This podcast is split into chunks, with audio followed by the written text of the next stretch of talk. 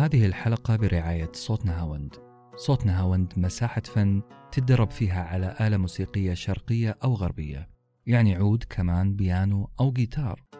تلتقي فيها بفنانين زيك وتعيش جو الثقافة والفن والطرب. تختلط فيها بمجتمع فني يلهمك وإنت تلهمه. وكمان ممكن تقابل صناع المحتوى وتزور استوديوهاتنا وتكون واحد من صناع المحتوى المحترفين. صوت نهاوند. لكل مقام مساحة مساحة فن تكتشف فيها فنك. أنا أروى خميس معكم في نقاش حول ما ظن البعض أنه كتب محرمة.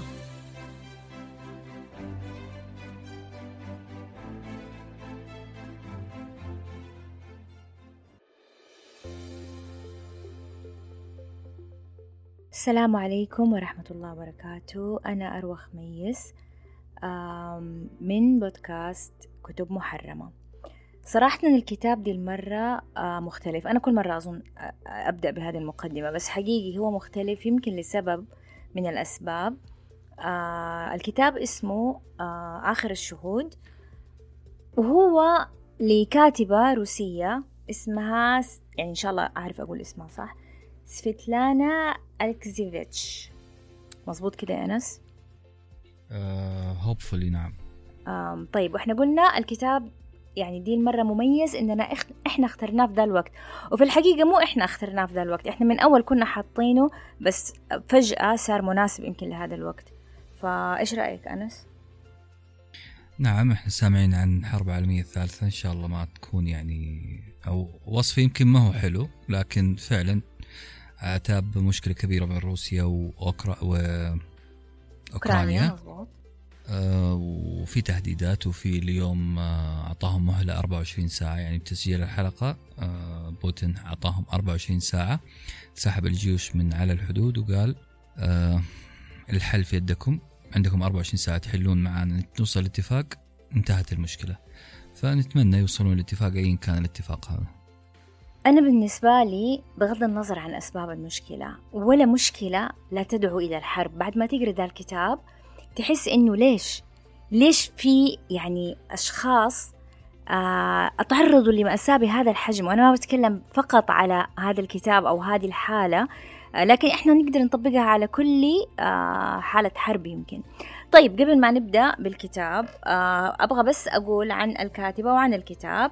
الكاتبة زي ما قلنا هي اسمها سفيتلانا أليكزيفيتش وهي آه كاتبة من بيلاروسيا آه من جمهورية أوكرانيا.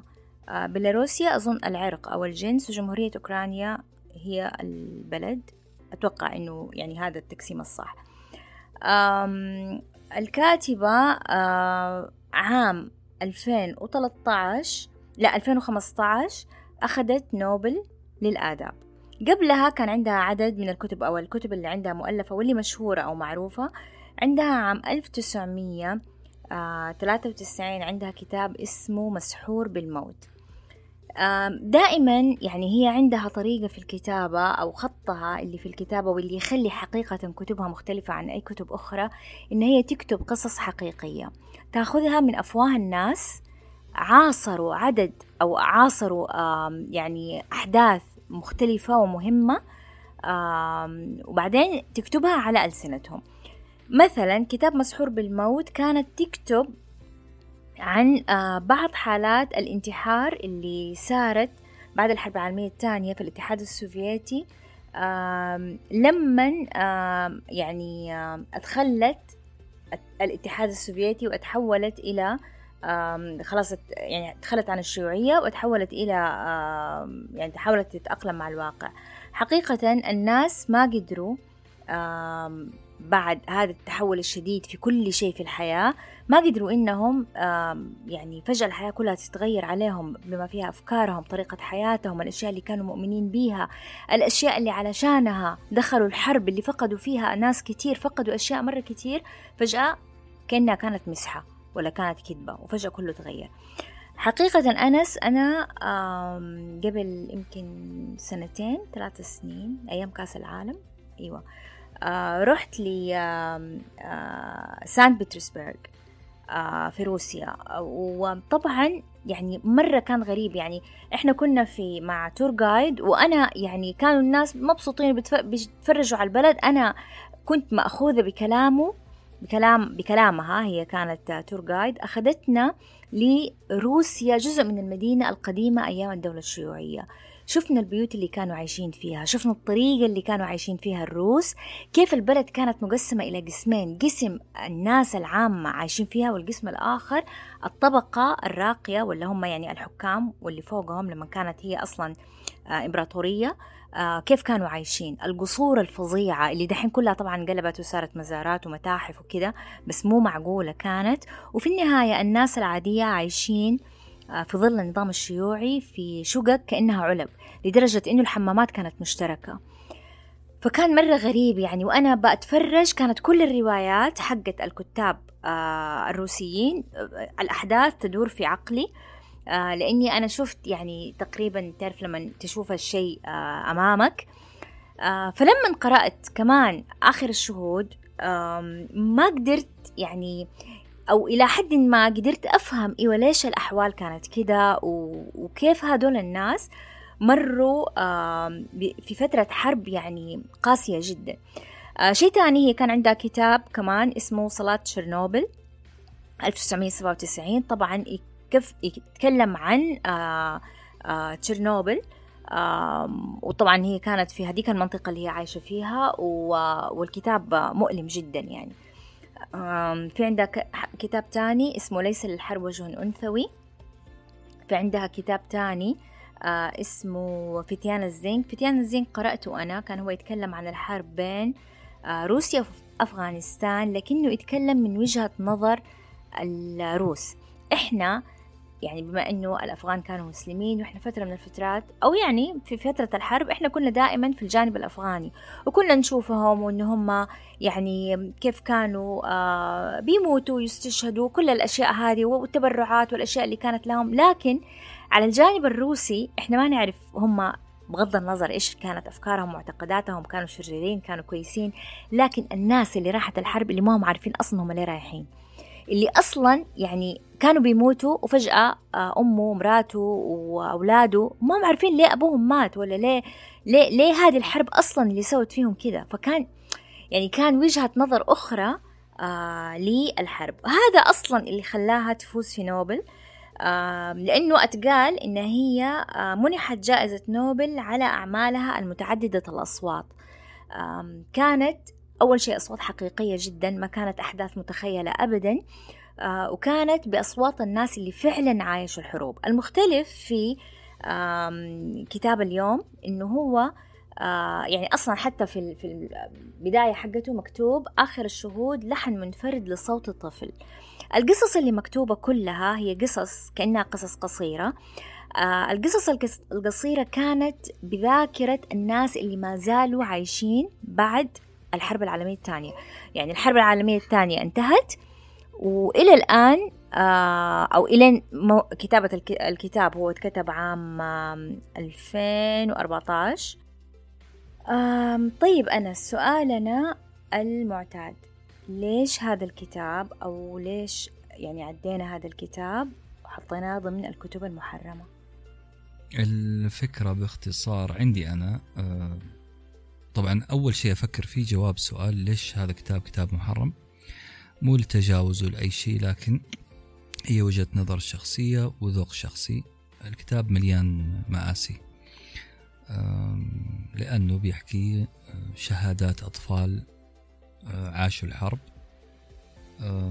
وبيشرحون ويلاتها.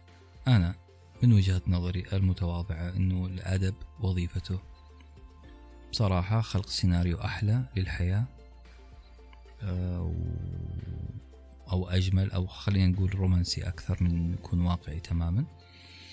آه، والسبب أنه آه، أبغى أتجه أو أبغى الأدب يساعدني أتجه إلى حياة أفضل آه، يعطيني fantasies خلينا نقول للمدينة الفاضلة بحيث أنه نقدر نخلق هذا السيناريو المزروع في راسنا. أما لو عبيت العقل الباطن بروايات مليانة واقعية تحكي مآسي بشر. okay أنا حستفيد أني أتفهم ذول الناس أكثر لكن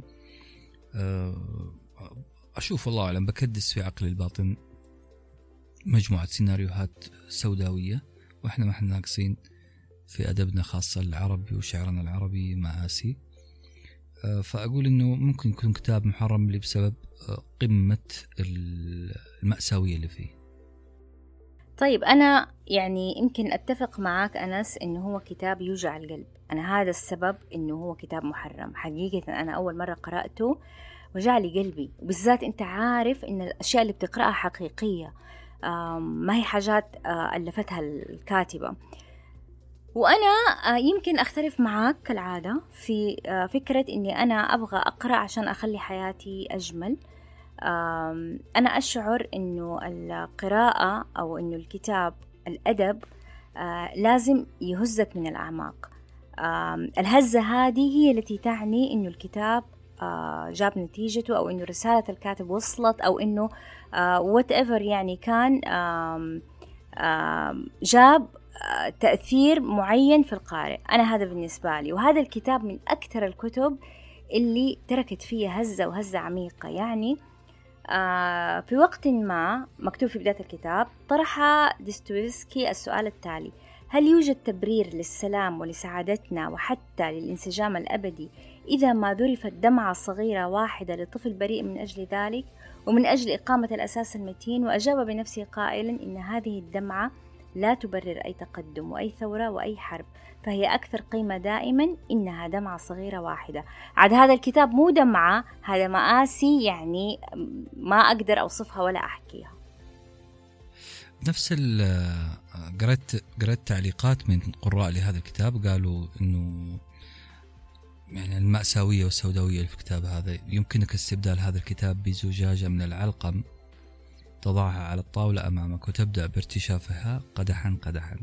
الفرق أنه العلقم قد آه، يملك ثقب في المريء أو المعدة لكن هذه الشهادات آخر الشهود هذا هذه الرواية ستترك آه، طعم مر في فمك وفي روحك وثقب في قلبك. يعني حتى تعليق القراء متأثر بالرواية وكلها ثقب في القلب والروح.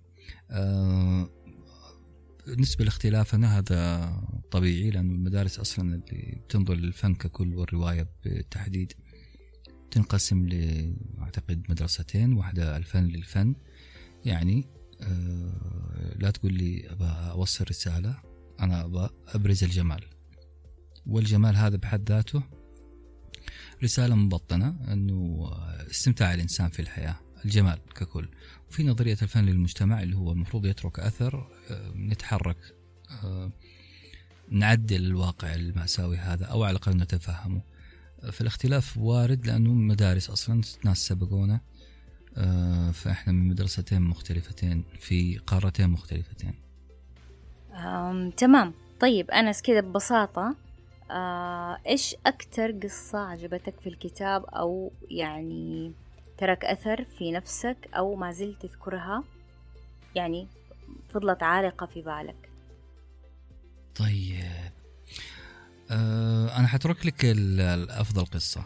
أنا راح أسألك أنت أكثر لأني أعتقد أنك قرأتيها أكثر وتأثرتي فيها أكثر. حجاوب على سؤال ثاني إذا ممكن أو حاجة شبيهة فيها. استثارني كلمة أنه المؤلفة من بيلاروسيا. وفوجئت وأنا أقرأ عن بيلاروسيا خاصة مع الأحداث الحاصله الآن إنه الإمبراطورية الروسية القديمة كانت شايفة نفسها ثلاث دول روسيا العظمى اللي هي روسيا اللي نعرفها اليوم روسيا الصغرى أوكرانيا خلي ببالك.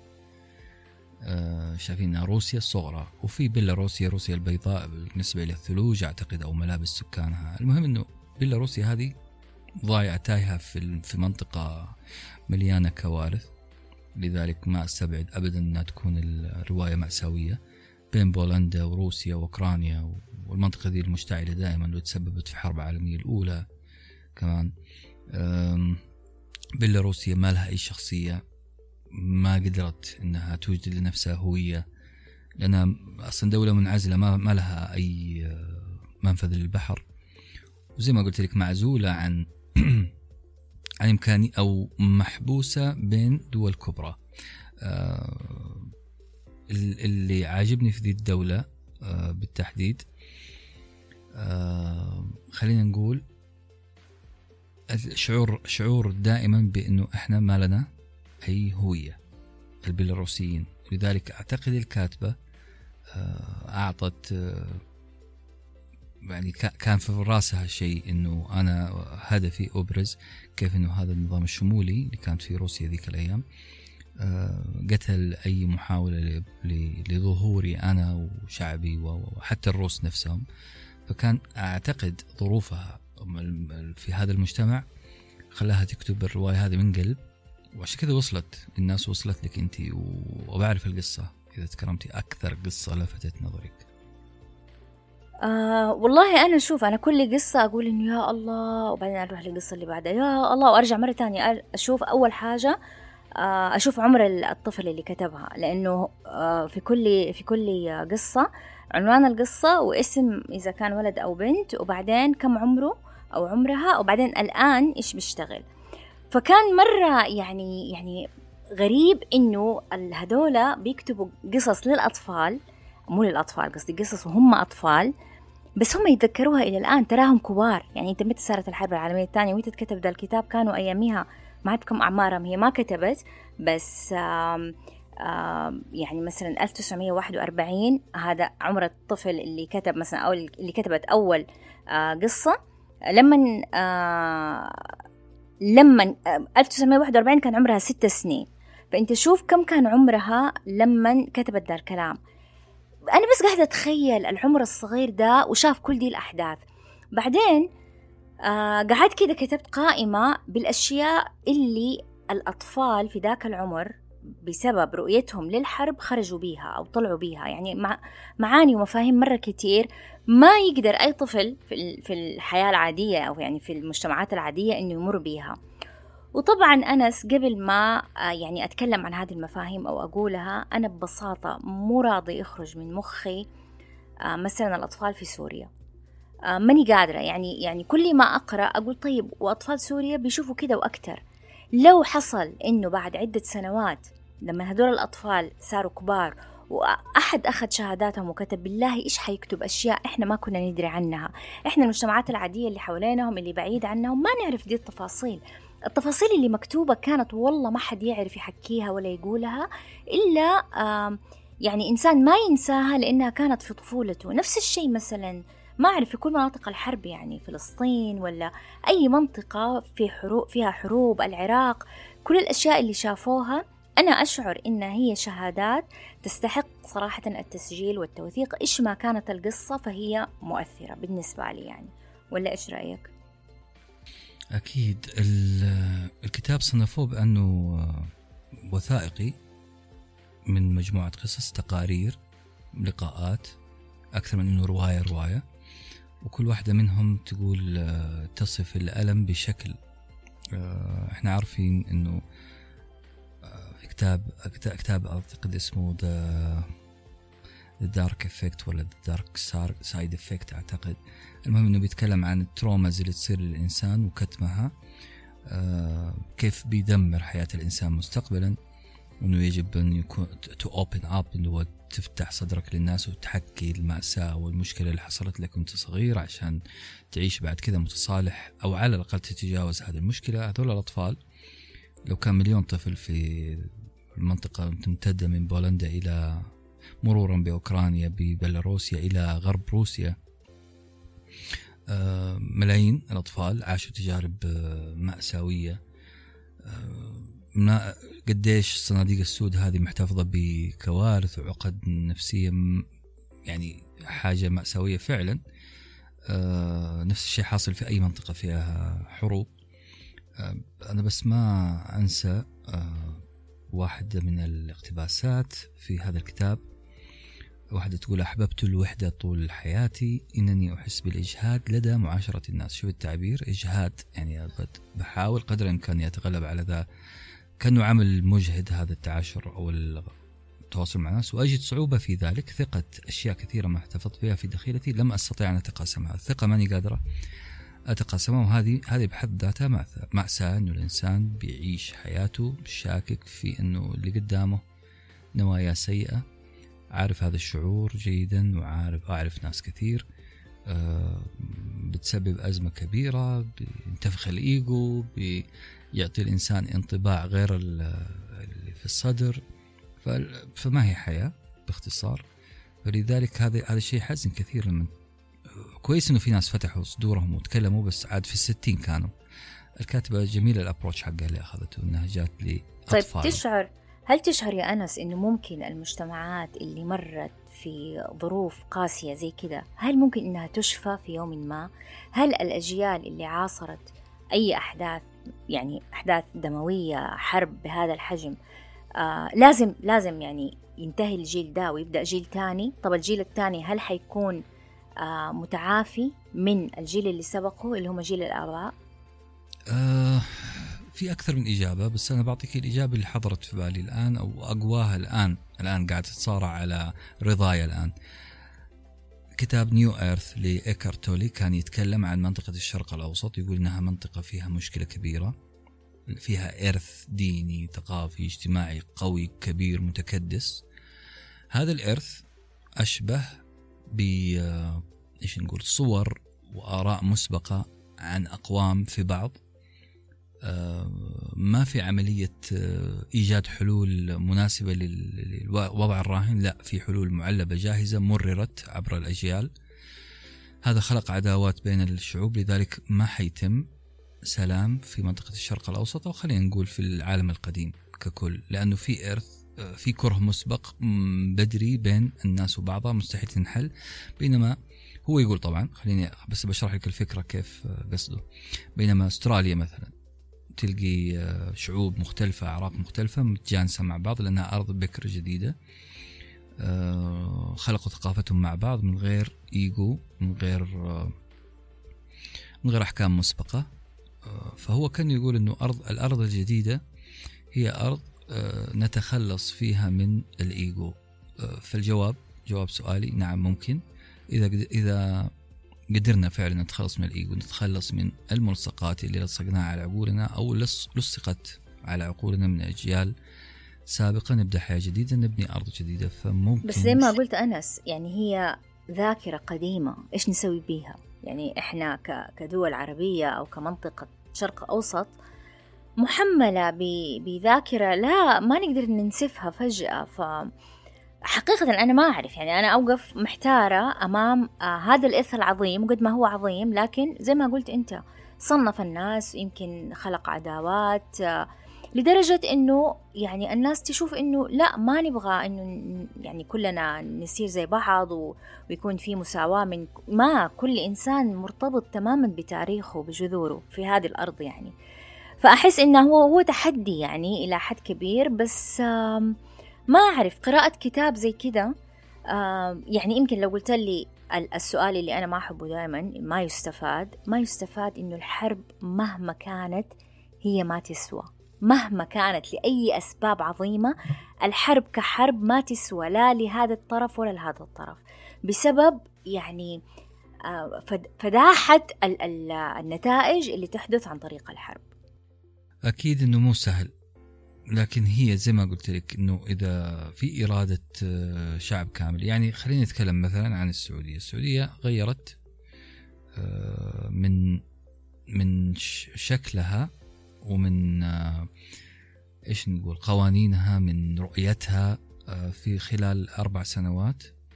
آه، أنا متفاجئ. أنا الآن خجلان من نفسي ومن جيلي. لما أشوف الجيل الجديد كيف كيف منطلق؟ كيف بس أنا شوف جيلنا جيلنا مسكين لا تقعد تقول متفاجئ. وخجلان أنا أحزن علينا. يعني لو إحنا كان لنا ظروف نفس الظروف الآن أتوقع ما أعرف بس حنكون غير ولا؟ يعني الحمد لله إنه الجيل الجديد صار إيوه مختلف. وتخلص من بعض الأشياء اللي إحنا كنا في زمن من الأزمان. نشعر إنه هي يمكن صح بس هي ما هي صح. مثلا يعني. خجلان مو معناها إني آه، كاره أو أغلط لا لا خجلان فعلا في وضع سابق يدعو لأننا نقول أو خليني أغير خجلان أقول آه، حاسدهم أو أيوه. أغبطهم أغبطهم فعلا ومعجب ب إيش نقول انطلاق نظافة في التفكير بصراحة مرتب التفكير جدا وال منطق في التفكير المشاريع الريادية الآن اللي طالعة ال ال ال كله شيء يدعو للإعجاب والحسد. أنا بكون مرة صريح الحسد لا إن شاء الله الغبطة بس. آه ف فاللي بقوله إنه أنا سعيد باللي صاير الآن. إحنا ما بقول ضحايا هي مرحلة. والمرحلة هذه تأخرت جات سريعة ما لي دخل لكن تغير المجتمع ككل. من غير تغير بسرعة كمان. من غير نشيل جيل ونحط جيل لا في رؤية خلونا نتجه لها. غصبا عني أنا اللي اللي قاعد أقول لك الآن خجلان من الجيل السابق لازم أتجه لهذا الرؤية الجديدة. فممكن إذا أراد آه، الحكومة والشعب اتجاه ناحية هذا الشيء كله كله حيتجه. ففي إمكانية النية ثاني حاجة التخلص من الإيجو. هذا اللي حصل ترى في في بلد في إيجو معين صورة معينة كنا راسمينها لنفسنا. المحاف إيش نقول؟ المحافظة الشديدة على الغث والسمين القديم. نحافظ عليه. لا هنا جاء آه، عمليين أكثر. عندنا هوية عندنا ثقافة عندنا عندنا في نفس الوقت في مستقبل قدامنا. آه، كله حيتجه لهناك. بالصورة الجديدة اللي لا زالت محافظة على ثقافته. فأعتقد نعم أنا مع أنه إمكانية. إذا وجدت العقول السليمة الرشيدة اللي توجه للمكان الصحيح. إيوه يعني هو شوف العالم كله أصلا تغير بعد الحرب العالمية الثانية آه، رغم الفظائع اللي مر بيها. يعني أنا بتكلم على أوروبا خاصة يعني. فالتغييرات اللي حصلت آه، كانت تغييرات مشهود لها يعني آه، مقارنة باللي هم كانوا فيه وبعد كده اللي حصل أيام الثورة الصناعية والحرب العالمية الثانية كل التغييرات هذه اللي حصلت في ذاك الوقت حقيقة يعني نقلت الحياة والمفاهيم وطبيعة أصلا التعايش من جيل إلى جيل. فإن شاء الله يا رب يعني حتى الموضوع الآن بين روسيا وأوكرانيا ما يرجعنا لذيك الأيام مرة تانية طيب أنا أبغى أتكلم عن بعض الأشياء اللي لفتت نظري قلت لك في كل مجموعة من القصص مثلا مثلا من الحاجات اللي بالرغم اللي هم اللي هم اللي كانوا بيحكوا القصة كبار هم في السن فوق الستين مثلا لكن لا زالت الأفكار والتعبيرات الطفولية. يعني لما لما حكوها ما حكوها كواحد ناضج لا ما زالوا محتفظين كانوا بنفس الفك الأفكار والشعور الطفولي. الطفل اللي كان ما هو فاهم إيش بيحصل كان مصدوم من اللي بيصير. حقيقة يعني تخيل يعني كذا فجأة أنت عايش بعدين فجأة آه طيارات فوقك كنت عمرك ست سنين بس ولا حتى أقل شوية أكتر شوية. فمن الأشياء اللي يعني تجمع الصوت الأصوات اللي موجودة في الكتاب عدم فهم الذي يجري. الذي يجري أو اللي يحصل لهم كان في ذاك الوقت بالنسبة لطفل صغير غير مبرر. أبدا غير مبرر مهما حاولت. كيف تقدر تقنعه آه بجدول الحرب هذه أو جدول اللي بيحصل أصلا يعني؟ فهذه كانت من أكثر الأشياء اللي لفتت نظري. بسبب آه، عدم الفهم فكان في نوع من الارتباك. يعني كانوا مثلا آه، من ضمن الأشياء إنه آه، كانوا كانوا يقولوا الأطفال كان واحد من الأطفال بيقول طيب خلينا نروح المقبرة ونعيش في المقبرة لأنه إيش فايدة قصف المقابر وهم كده هم أموات الناس فخلينا نمثل إنه إحنا ميتين يعني شوف لأي درجة البساطة وال... في التفكير اللي يثير في نفسك الألم أصلا يعني كيف طفل صغير يقول ده الكلام أم... فيعني مثلا. هذه واحدة من الأشياء اللي. مثلا الناس لما كانوا يروحوا السوبر ماركت وكيف كانوا يحصلوا على الطعام كيف كانوا كانت عيون الأطفال ترصد كل الأشياء هذه المختلفة اللي يمكن إحنا أو يمكن الكبار في لحظات في في هذيك اللحظات المربكة ما حينتبهوا لدي الأشياء بس الأطفال لا جدا كانوا ينتبهوا للأشياء الصغيرة. آه يا سلام. آخر كلمة كانت هي اللي ضربت في دماغي التفاصيل الصغيرة لأنه مو فاهم الصورة الكبيرة. شايف تفاصيل بشعة قدامه. من ضمنها واحدة واحدة من الشهود تقول اضطريت إني أستبدل دميتي عروستي اللعبة ببعض الخبز والفطائر شيء زي كذا عشان أبقى على قيد الحياة. هذه تفصيلة آه، جميلة جدا. آه، يعني فهمتنا كيف هم قاعدين يتعاملوا مع الوضع ذيك الأيام. آه، استبدلت أغلى شيء عندها العروسة بأكل. رجعوا لأساسيات الحياة. شايفة كيف. اللي يقول الكلام ده واحد عمره 51 سنة أعتقد. آه، وتقولها بطريقة طفولية لأنها فعلا حد الآن مش فاهمة آه، اللي حصل. حصل كان كابوس وأنا قاعد أخذ منه التفاصيل اللي في الكابوس هذه بس سببه ماني عارفة. تقول في نهاية الحرب ذهبت إلى محطة القطار لأبحث عن أمي. أنا الآن في الواحد والخمسين وما زلت أريد أمي. إلى أيوة. الآن أيوة. القصة هذه يعني أنا قصص الأمهات كمان بزيادة تخليني ما أعرف أدخل في مود في في كانت واحدة من القصص كانت يعني تحكي عن الاشتياق للأمهات طبعا كثير من الأمهات يا إنهم ماتوا يا إنهم فقدوا يا يعني صار في أيتام كثير ما يعرفوا أمهاتهم إيش صار فيهم آه بغض النظر يعني هي حرب فكيف حنعرف المهم فكانوا تخيل رغم الحالة آه اللي كانت يعني آه كثرة الأيتام وكثرة ال... وعدم استقرار الحياة لكن ما زالت في في تعليم وفي مدرسة وفي كذا. فكانت واحدة تحكي تقول كانوا في زي آه، يعني ميتم كلهم وكانوا بيق... لما يقرأوا لهم قصص كانوا يختاروا القصص اللي يقرأوها الحاضنات بحيث انهم ما يتلفظوا باسم ماما.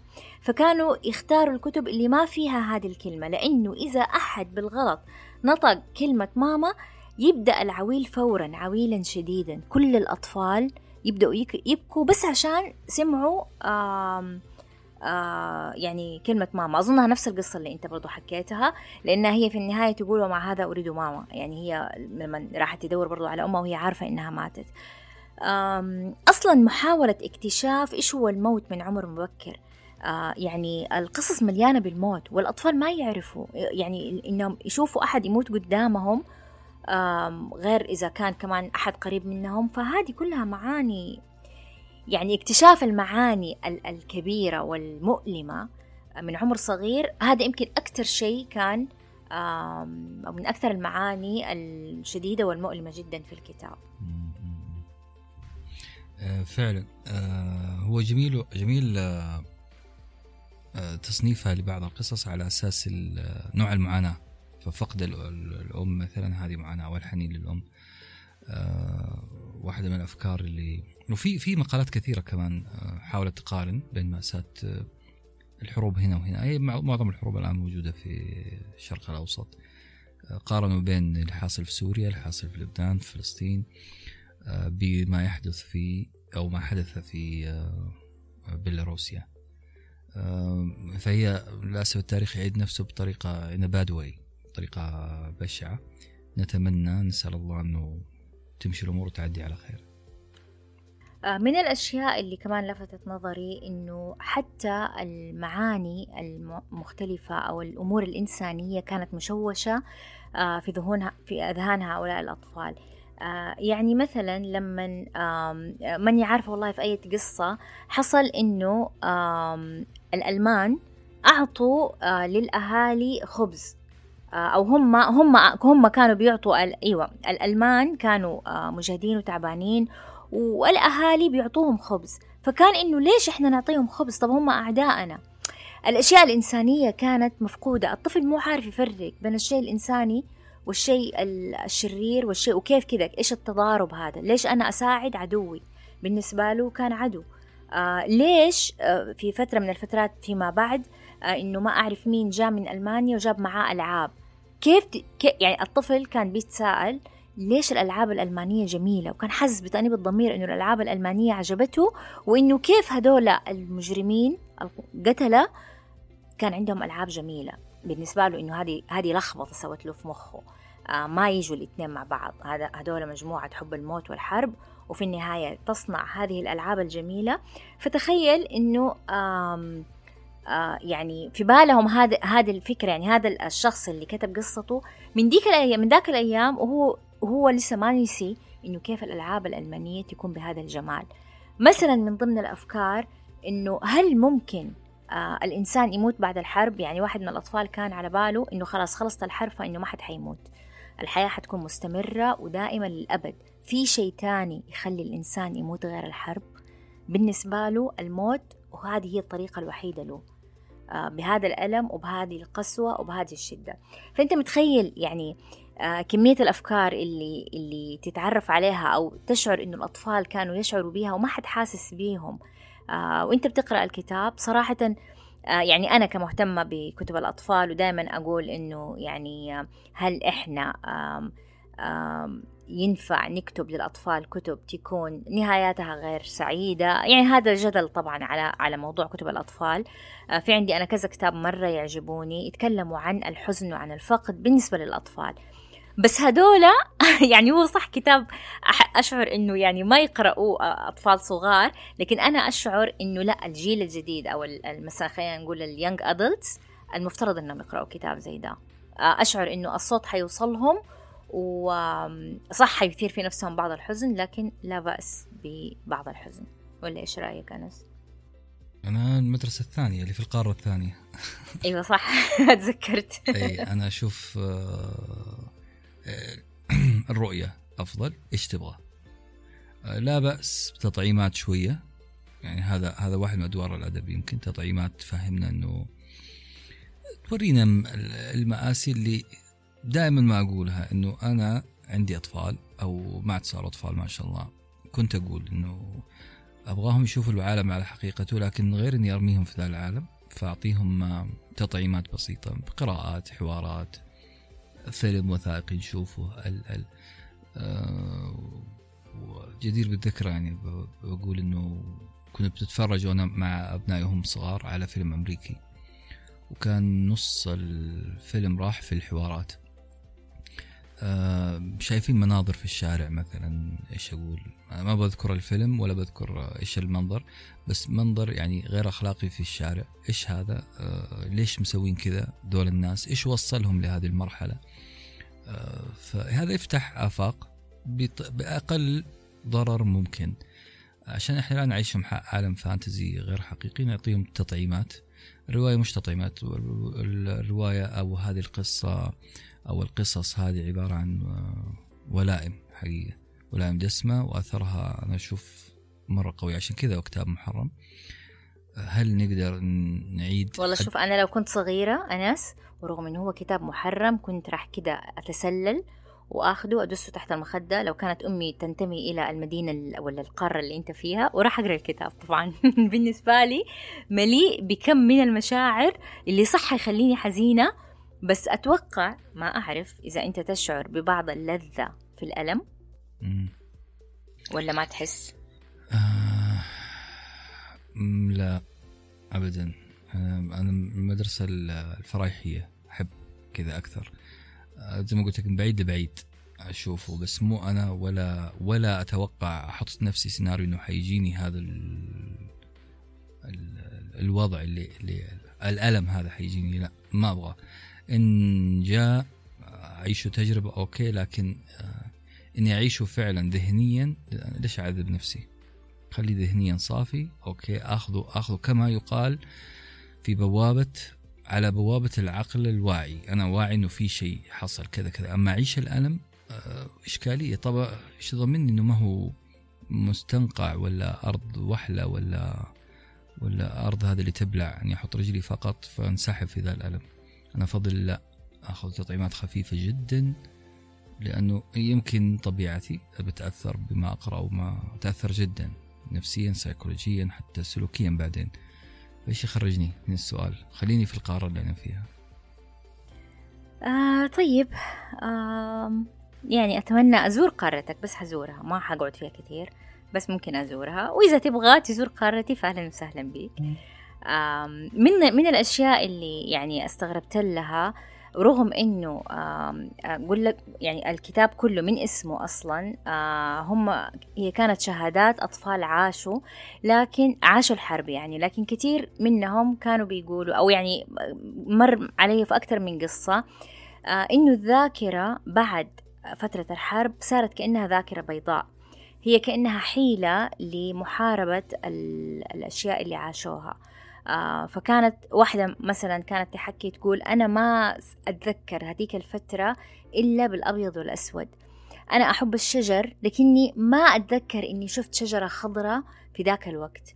الألوان كلها كانت قبل الفترة وبعد فترة الحرب. فهذه طريقة غريبة لرؤية الأشياء. هي ما زالت شايفتها بس هي شايفتها أبيض وأسود آه، حتى لما تتذكرها. واحدة تانية قالت بالرغم إن هي حكت الحكاية بس تقول إنه لا ذاكرتي صارت بيضاء. يعني بعض الأشياء البسيطة تتذكرها. آه، أتوقع أنه هذه حيلة يلجأ إليها يمكن العقل البشري عشان يحمي نفسه آه، أنه هو ينسى. يعني أحيانا الإنسان من كتر ما يمر بحالات سيئة أو ذكريات سيئة أو مواقف سيئة يمكن الحل يكون أنه ينسى. ينسى تماما هذه الفترة. يمكن واحدة من الأشياء إنهم كتبوا إنهم قالوا إنهم عبروا. إنه ما صار في في في نفسهم وفي ذكرياتهم فقط الأشياء اللي عاشوها. يمكن أنا ما أعرف أقول إنه بما إن هذه الأشياء اتكتبت والناس قرأتها فيمكن هم يشعروا ببعض التخفف من الأشياء اللي عاشوها في هذيك الفترة. ممكن هذه حيلة وفي سيناريو آخر. إذا قارنت ما حدث لهؤلاء بأنهم يقولوا نشوف الذكريات أبيض وأسود أو أبيض أو رمادي أو أي لون. أتذكر أبو العلاء المعري وأنا أكتب عن حلقة مجاز عالي بكتب فيها عن شعراء العصر العباسي من ضمنهم أبو العلاء المعري. ولد ضرير طبعا مو ولد عفوا ولد سليم لكنه أصابه العمى بسبب جدري أعتقد أو مرض فكان يلبس قميص قبل تماما قبل ما يصاب بالعمى كان يلبس قميص أحمر. فقصائده كلها وقت النحس وقت الألم وقت هذا بيتكلم عن اللون الأحمر. هذا هذا أعتقد الدماغ عنده خزن اللون الأحمر وربطه ربط قوي جدا بالألم بال بالمأساة ككل. ما تدري إيش هل لأن روسيا البيضاء ثلوج معينة شافوا هذه الألوان فارتبطت صورة الحرب والذكريات بهذه اللونين؟ آه، هنا هنا سيكولوجيا يبغى لها يبغى لها تخطيط دماغ. أيوه والعقل يعني من أصعب الأشياء اللي إذا حاولت تفهمه يعني بالذات إنه هو دائما عنده طرقه الدفاعية آه، عشان يعني يظل على قيد ما أعرف قيد ما بقول قيد الحياة بس قيد النشاط يمكن أو التفكير أو الوجود أصلا. آه، بيستخدم حيل دفاعية مرة كتير بما أنه كان طفل من ضمنها أنه كان بيشوف الأشياء أبيض وأسود. عموما ما أعرف أنا سيست بتزيد شيء بس أنا من من القارة حقتي أبغى أقول اللي بيسمعونا آه، أقرأوا الكتاب. حقيقي أقرأوا الكتاب حتنظروا لكل الحروب اللي حوالينا اللي صارت واللي حت واللي إن شاء الله ما حتصير يعني. بس اللي كذا يعني بتقوم الآن أصلا أو ما زالت دائرة حتنظروا لها بشكل مختلف تماما بغض النظر عن هم مين إيش سووا إيش الأسباب. إيش كلها هذه أسباب قد تجد طريقا للتبرير لكن أنا في رأيي مهما كانت الحرب غير مبررة. آه، خاصة بعد ما نقرأ مشاهدات طفل لدي الدرجة أطفال تألموا وما زالوا يذكروا حتى وهم في الخمسين والستين من عمرهم. وبهذه اللغة وبهذه الذكريات اللي ما زالت كأنها أمس آه، رجعوا كتبوا آه، وحكوا ذكرياتهم معناته إنه ما ينسى. مهما كان مهما عملوا لهم أنواع therapy مهما عاشوا في بيئة أخرى بيئة أحسن أفضل هذه الأشياء لا تنسى. آه ما أعرف إيش بتقول أنس. طيب بقول أن يوم تقولي اقرأوا هذا الكتاب نعم أكيد اقرأوا هذا الكتاب. لكن سووا زي زمان كنت أحضر دورات اللي هي تغلب على الخوف. كان في تكنيك يعجبني جدا آه، خاصة إذا كان في مشهد مزعجك آه، مش آه، مشهد فيديو في راسك عن حاجة حصلت لك سيئة. أو مخيفة لك آه، حاول تغير في السيناريو هذا بتغيير الألوان بتغيير الأشكال بتغيير حدث معين على أساس أنه استبدال الفيلم المرعب اللي في راسك اللي مسبب لك آه، آه، أزمة أو فوبيا أو خوف أو أي أو أي حالة هلع. تحولها تحولها كنوع من العلاج إلى مشهد أقل تأثير عليك. فاقرأوا الكتاب وحاولي تلبس النظارة هذه اللي شوية تحول عشان لا يتأثر الواحد نفسيا. أنا بتكلم من زاويتي طبعا من قارتي. أه ولنا زيارات إن شاء الله دكتورة. أنا بالنسبة لي يعني هذا الكتاب أنا أضمن إنه اللي يقرأه يخرج بكم كبير يعني الشيء اللي أنا متأكدة منه بكم كبير من التعاطف. آه في النهاية أنا أقول إنه هل التعاطف هل إحنا في في وسط حياتنا أو عالمنا الممتلئ بهذه الصراعات آه، هل التعاطف يكفي إنه هو يغير في الناس أو إنه يخليهم ياخدوا يتبنوا وجهات نظر ومواقف أخرى؟ هل يكفي التعاطف؟ صراحة ما أعرف. لكن يمكن هو بداية الخطوة اللي تخليك أنت تنظر بطريقة أخرى إلى الأشياء اللي تصير. حتى لو أنت آخذ يعني آخذ موقفك وفكرك وكله يعني خلاص أنت محدد موقفك يمكن عن طريق آه إثارة التعاطف تغير شوية مواقفك. أنا ما بغير موقف أحد بس إنه النظر إلى الأمور بنظرة أوسع. صحيح أنا في هذه معك. طيب اتفقنا يعني. الحمد لله. طيب أنس شكرا وشكرا لكم جميعا على استماعكم ونتمنى نلتقي مرة ثانية في كتاب آخر. شكرا لكم.